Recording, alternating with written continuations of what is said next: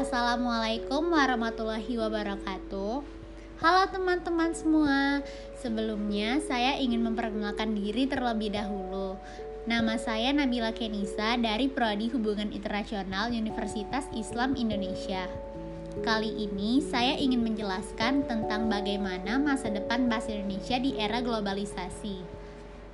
Di era globalisasi pada saat ini, tentunya banyak sekali budaya-budaya dari luar yang masuk Indonesia. Tidak hanya dari pakaian, barang-barang, gaya hidup, namun juga termasuk bahasa. Banyaknya budaya luar yang mempengaruhi kultur Indonesia dapat merusak budaya lokal. Namun, menurut saya, budaya Indonesia, terutama bahasa, tetap dapat berkembang dikarenakan beberapa faktor saya memiliki tiga argumen kenapa bahasa Indonesia tetap dapat berkembang di era globalisasi ini. Yang pertama, bahasa Indonesia udah mulai dipakai di beberapa negara. Beberapa negara di Asia, khususnya Asia Tenggara, sudah menggunakan bahasa Indonesia sebagai bahasa asingnya. Malaysia, Singapura, dan Thailand banyak yang menggunakan bahasa Indonesia karena banyaknya turis Indonesia yang berpergian ke daerah tersebut sehingga penjual-penjual di sana banyak yang belajar bahasa Indonesia secara otodidak atau dari turis-turis agar mempermudah dalam berkomunikasi.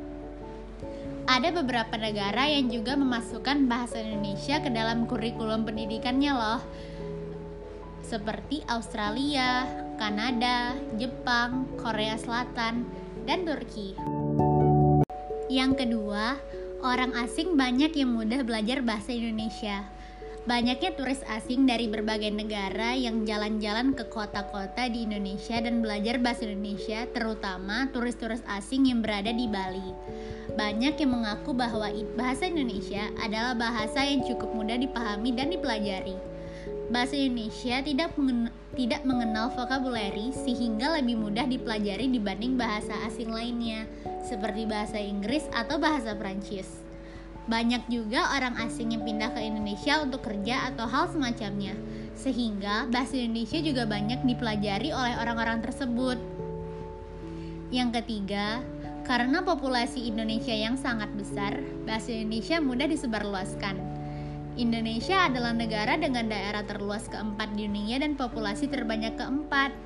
Otomatis, lebih banyak orang yang berbicara bahasa Indonesia. Karena ini, warga negara Indonesia yang bekerja di luar negeri akan tetap berbicara bahasa Indonesia.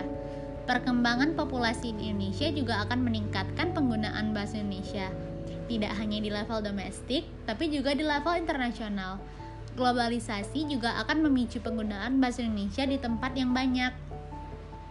Jadi, pesan yang dapat kita ambil saat ini adalah kita harus bangga dalam berbahasa Indonesia dan kita juga harus melestarikan bahasa Indonesia agar tidak tenggelam di era globalisasi ini.